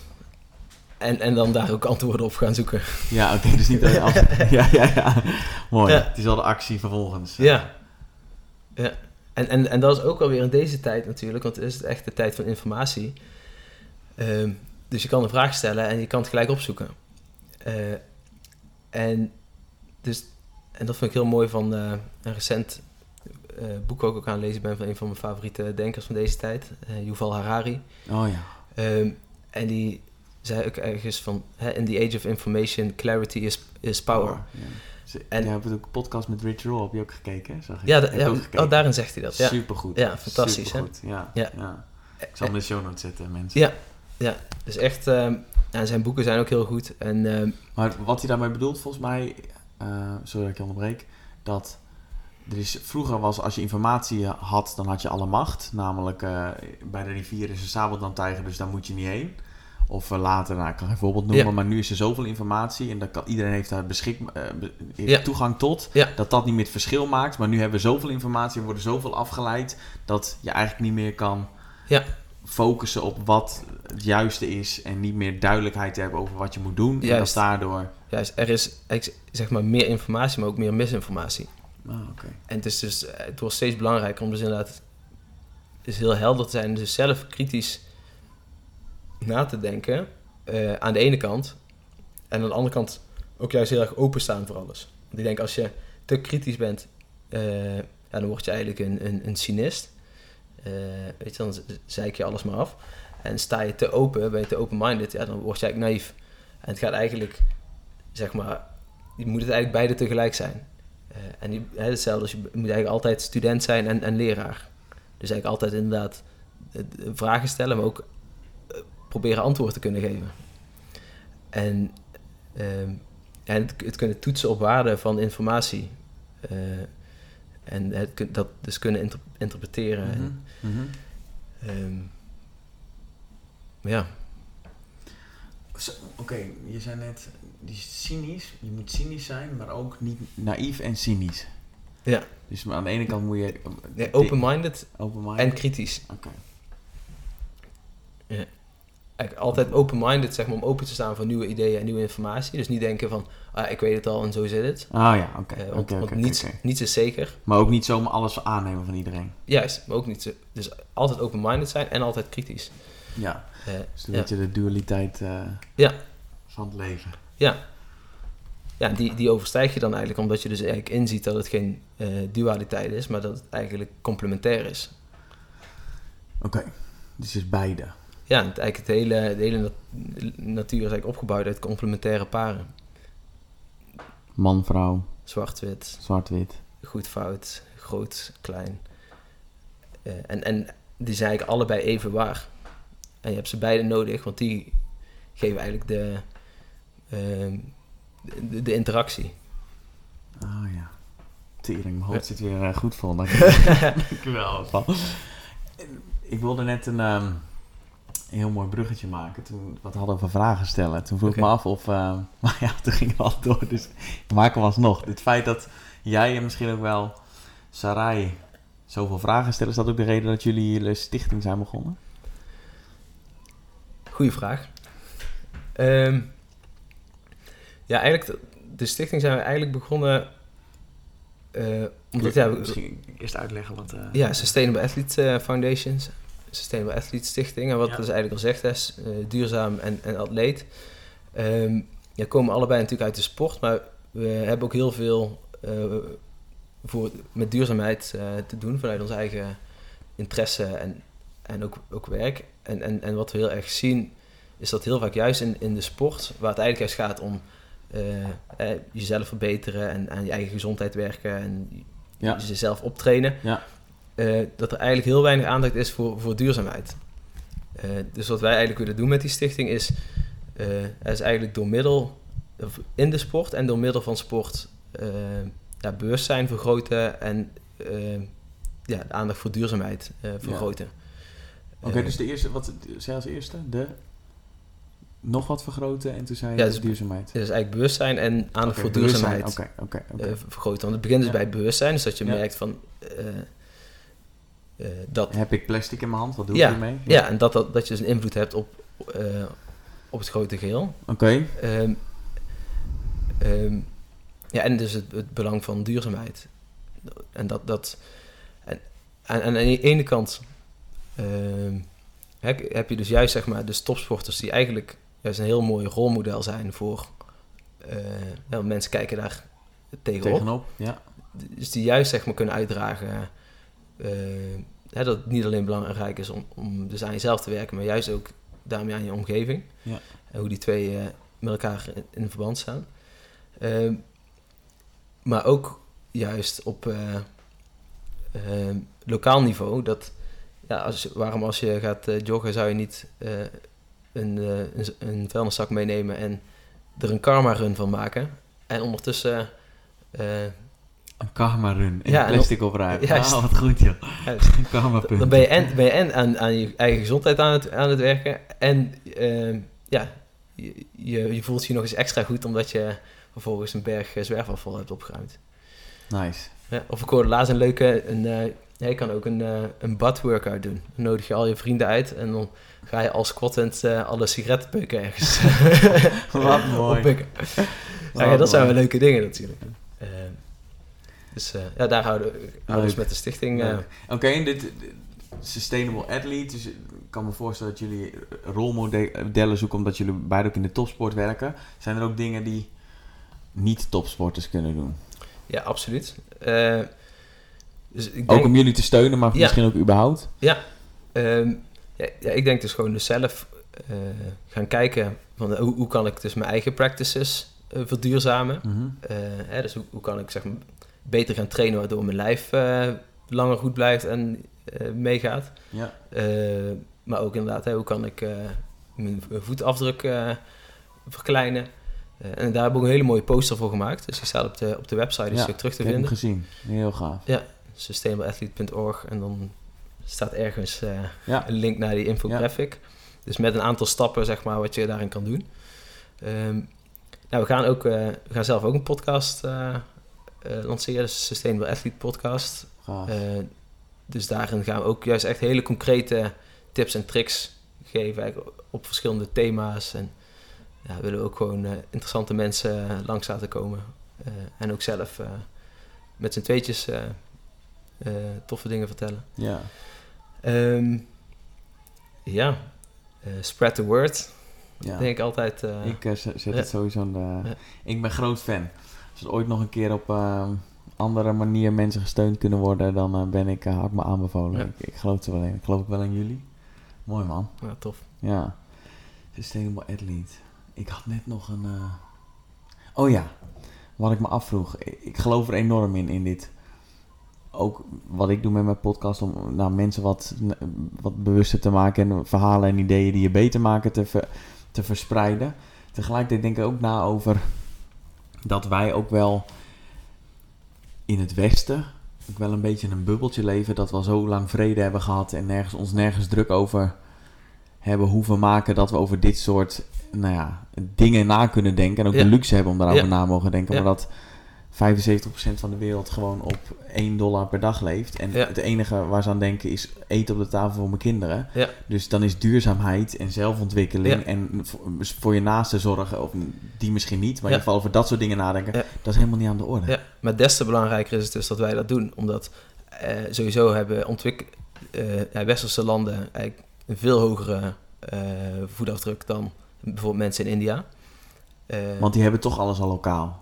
Ja, die, die, hebben, die hebben eigenlijk niks. Dus die verbruiken minder stroom. Die, die moeten zelf hun voedsel produceren. Uh, die... Dus eigenlijk doordat ze niks hebben, doen ze ook niet zoveel verkeerd. Wat een hele... Ja, wat een, echt een grote impact heeft. Dus ze zullen vast... Uh, ze zijn er niet mee bezig, maar ze, het is meer uit noodzaak dat ze minder vlees eten dan... Ja. Uh, ik heb bijna niet. Dus, dus, dus, wij, dus wij moeten ervoor kiezen om, om minder vlees te eten. Ja. terwijl zij heb, hebben gewoon de luxe niet. Want vlees was hier vroeger ook gewoon een luxe product. Eh, en ondertussen eh, is dat zeg maar gewoon een alledaags eh, dingetje geworden. En we moeten eigenlijk dus weer terug naar het besef dat dat gewoon echt een luxe product is. Want zowel voor onze gezondheid als inderdaad voor de, dus de afdruk die dat met zich meebrengt. Dus omdat onze afdruk, dus het, de impact die wij met onze voeding hebben, daarom is het bewuster. Maar het voelt voor mij heel ergens een beetje bedweterig dat wij dat tegen mensen die met zoveel andere dingen, dat we dat zouden zeggen. Snap, je wat ik bedoel? Ja, maar we hoeven dat ook niet tegen ontwikkelingslanden te zeggen. Want we moeten dus juist echt, moeten echt naar onszelf kijken. Want wij hebben eigenlijk de hele boel verkloot. Zeg maar, het is eigenlijk de white man's disease, zeg maar, wat erop uitgetrokken is. En uh, kolonialisatie. en Uh, wat, wat, uiteindelijk de, de, de standaard is geworden van altijd maar meer willen hebben. En uh, meer, meer, meer. Mm we moeten juist heel erg naar onszelf kijken en, en zelf eh, daar een verandering in maken. Ja. En, en door dat te doen... Als iedereen zijn eigen tuintje mooi houdt, dan ziet de wereld er een stuk ja. beter uit. Maar eh, als, als wij juist vanuit die luxe positie daar dus de, de, het, de initiatieven nemen... Uh, wat we daarmee ook krijgen is dus dat als straks uh, ontwikkelingslanden zeg maar ook... Uh, zeg maar, dus gewoon het, het goed hebben, wat we natuurlijk met z'n allen willen, de zero hunger... Eh, dat zij eh, dus niet diezelfde fouten hoeven te maken als ons. En eigenlijk gelijk zeg maar, die, die stap kunnen overslaan en het duurzaam inrichten. En dat zie je natuurlijk al gebeuren. Energieproductie. Nu in, in, in arme, acht afgelegen gebieden kunnen ze natuurlijk gemakkelijker zonnepanelen plaatsen dan uh, een heel centrale met netwerk oprichten. Dus eigenlijk, ik denk hetzelfde als wat je zag met de telefoon. Dat heel veel arme ontwikkelingslanden, ja, die hebben eigenlijk de hele ontwikkeling van een telefoon overgeslagen. En in één keer, pas boom, uh, een smartphone. Ja. Ik denk dat je dat ook gaat krijgen in decentrale energievoorziening uh, en uh, allerlei van dat soort zaken. Okay, dus jij ziet het eigenlijk als, niet als een, als een mogelijkheid? Ja, het is sowieso een mogelijkheid. En, en het is denk ik ook gewoon echt bijna ook gewoon een verantwoordelijkheid die we hebben. Dat geloof om, dat te doen. Dat geloof ik. Daarom ben ik het ook. Ja. Ben ik mezelf daarin ook. ja aan, aan het verbeteren. Ja. Ja, ja. Ik vind het ook heel. Uh, als, ook als mensen echt nog steeds vlees eten, daar heb ik geen probleem mee, mits ze daar bewust voor hebben gekozen. Mits ze die afweging gemaakt hebben. Van oké, wat doet het eigenlijk? En als ze er dan voor kiezen, ja, dan ben ik het er niet per se mee eens. Ik eet, overigens eet ik af en toe ook nog uh, vlees. Maar dan hebben ze in ieder geval over nagedacht. Maar het niet nadenken en gewoon maar eh, constant vlees, dat, daar heb ik wel, dat denk ik van oké, volgens mij, maar goed, drie, als je me, drie jaar geleden was ik dat.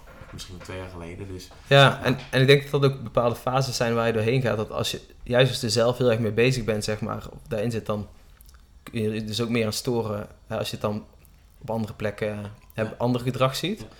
Ja. Ehm, maar op een gegeven moment, tenminste dat is, dat is mijn ervaring, ehm, ja, zie je ook wel in dat gewoon kijk, iedereen ga- gaat daarin op zijn eigen tempo. En Ja. ja, kijk, schijnbaar, ehm, ja, als je dat niet belangrijk vindt, eh, ja, dan ben je waarschijnlijk nog niet gewoon bewust genoeg van de impact die je daarmee hebt en wat dat bijvoorbeeld ook op je, kin op je kinderen heeft. Maar heb je, voel je dat echt zo? Ben je echt zo empathisch? Of denk je van gast... Nee, ja, als ik me daar de energie aan moest gaan geven, dan hield ik weinig over om. eh, dus ik, ik, ik, heb, ik ben heel erg oplossingsgericht. Oké. Eh, dus, dus ik geef mijn energie eigenlijk liever uit inderdaad aan zelf zeg maar met oplossingen komen Ja. of mezelf verdiepen in, in, in andere dingen en dan Oké, dus me druk maken om ja. alle shit die gaande is. Ja. Ja. Ja, want weet je, dat, dat, dat is toch wel gaande en ja, dat, daar heb ik geen directe invloed op. Dus ik hou me heel erg bezig met waar ik gewoon zelf invloed op heb. Ja. Dat is een stoïcijns ding, toch? Focus on what you can control. Ja, ja, het was het ook, ja. ja. Mooi. Ja, dat eh, is iets waar ik nog wel eens moeite mee kan hebben. Maar goed, Ja. je, je maakt me alweer eens bewust dat, eh, dat, ik, dat ik inderdaad gewoon alleen maar moet focussen op dingen waar ik invloed op heb. Ja, ja. Dus, dus ik vind het heel interessant om, om gewoon dat gesprek aan te gaan. En, dat, ehm, eh, en dus dat is ook altijd wel interessant met, met sporters. Als, we eten natuurlijk ook al vaker samen en dan ja, eet ik iets anders. Of, ja, en daar rolt dus automatisch een gesprek uit. En, en dan vind ik eigenlijk heel prettig dat ik dus eigenlijk zonder oordeel eh, er gewoon uit kan leggen van waarom dat ik, ja, dat ik niet zo fijn vind om dat te eten. Ja. Eh, En dan, zonder zeg maar daarop zeg maar dus een Ja. oordeel aan iemand anders te geven of dat het een beter is dan het ander. Eh, en, en daarom ook, hè, ben ik ook niet zo zwart-wit daarin van hè, dat iedereen nooit meer vlees zou moeten eten. Ja. Ja. Begin maar eens gewoon met de richtlijnen gezonde voeding aan te houden. Dan eh, ben je al een heel eind. Want dan, eh, zou dat automatisch zorgen dat je minder... eh, ja, Dan, dan eet je sowieso al de, de meeste mensen veel minder dierlijk en veel meer plantaardig.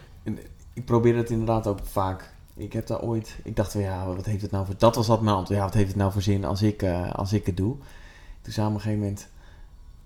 Jordan Peterson, waar ik het net over had, die zei in een podcast dat het ook door het netwerk wat jij, of het systeem dat we allemaal geconnect zijn, dat dat best snel, dat heet het ripple effect of zo. Dus Ja. kan best wel snel. eh, Dus Ja. je kent in je leven ken je ongeveer duizend mensen. Ja.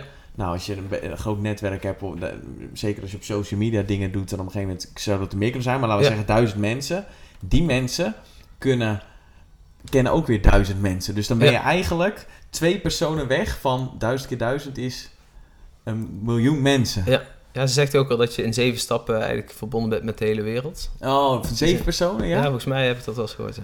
Dus als je het bij je, dat is niet niks, zeg. Als je het gewoon bij jezelf houdt en je zou duizend mensen inspireren of een verandering teweeg brengen, dan Ja. doe je dat al op een hele grote schaal. Ja, juist. Dat is ook zo. En, en dat is ook, eh, je stemt eigenlijk met alles wat je doet.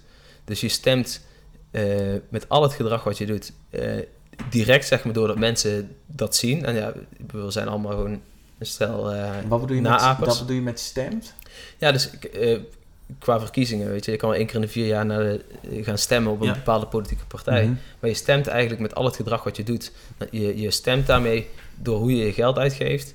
Eh, dit ondersteun ik en dat ondersteun ik dus niet. Dus als jij bij, eh, de bij een groot eh, kledingmerk, Primark of whatever, dan stem je dus in met kinderarbeid. Dan stem je dus in met cheap fashion, met ja, al die shit, zeg maar. Daar Ja. stem je dus mee in. Ga je naar de McDonald's, dan stem je dus in. Jij support die, die franchise. En Ja. die allemaal troep in het eten gooit. En, eh, en eigenlijk...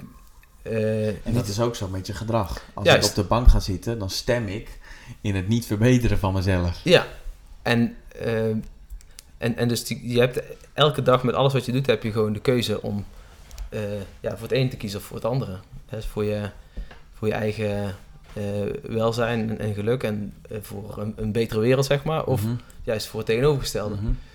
Eh, en ja, dat heb je elke dag maar weer met alles wat je doet, eh, heb je die stem. En, en dus heb je ook heel veel power. Dus de hele idee dat mensen soms denken van ja, maar ja, eh, wat maakt het uit wat ik doe? Ja, het maakt fucking veel uit Maakt wat jij dus doet. heel veel uit. Ja. Dat maakt alles uit. Dat is eigenlijk het hele verschil. Ja. Want als iedereen dat zou doen, Ja, ja, dat is, dan is het. ja, en, ja. En, en zelfs als niet iedereen dat zou doen, maar als gewoon al meer mensen dat gaan doen. Ja. Want uiteindelijk, eh, verandering komt maar gewoon door een paar mensen. Ja. En uiteindelijk, als je dus vervolgens gaan ook...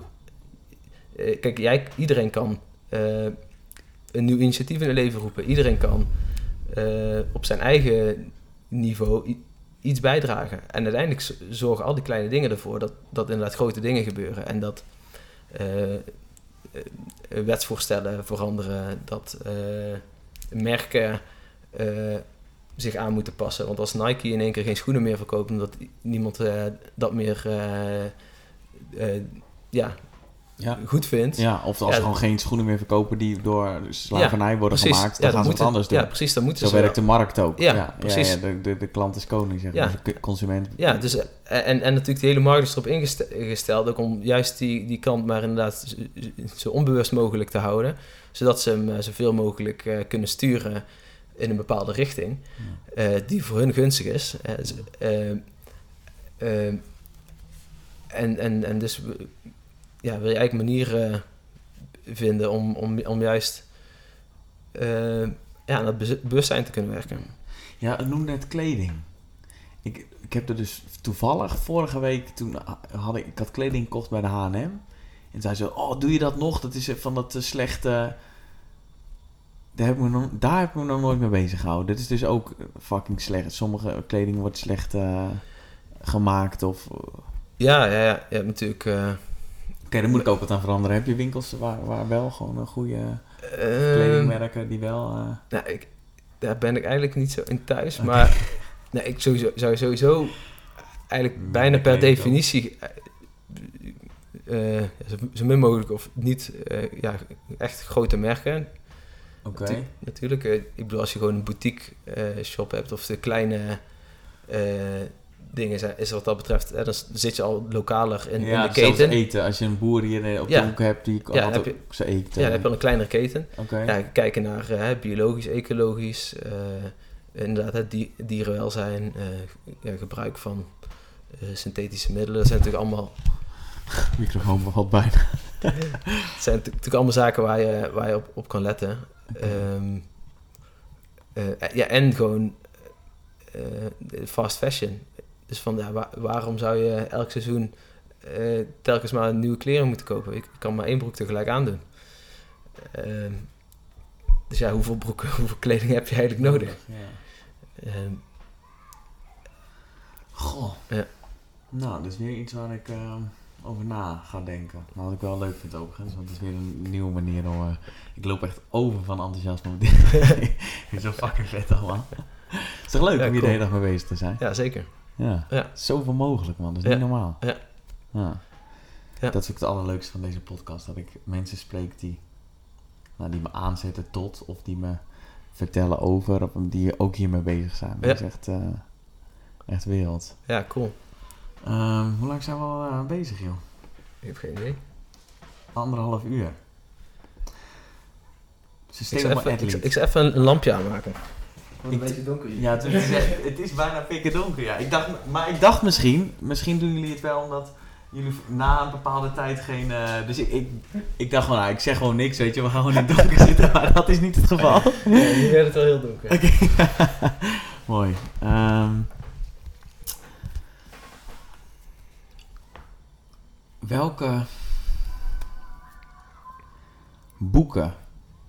We hebben het over bewustzijn, over systemen gehad.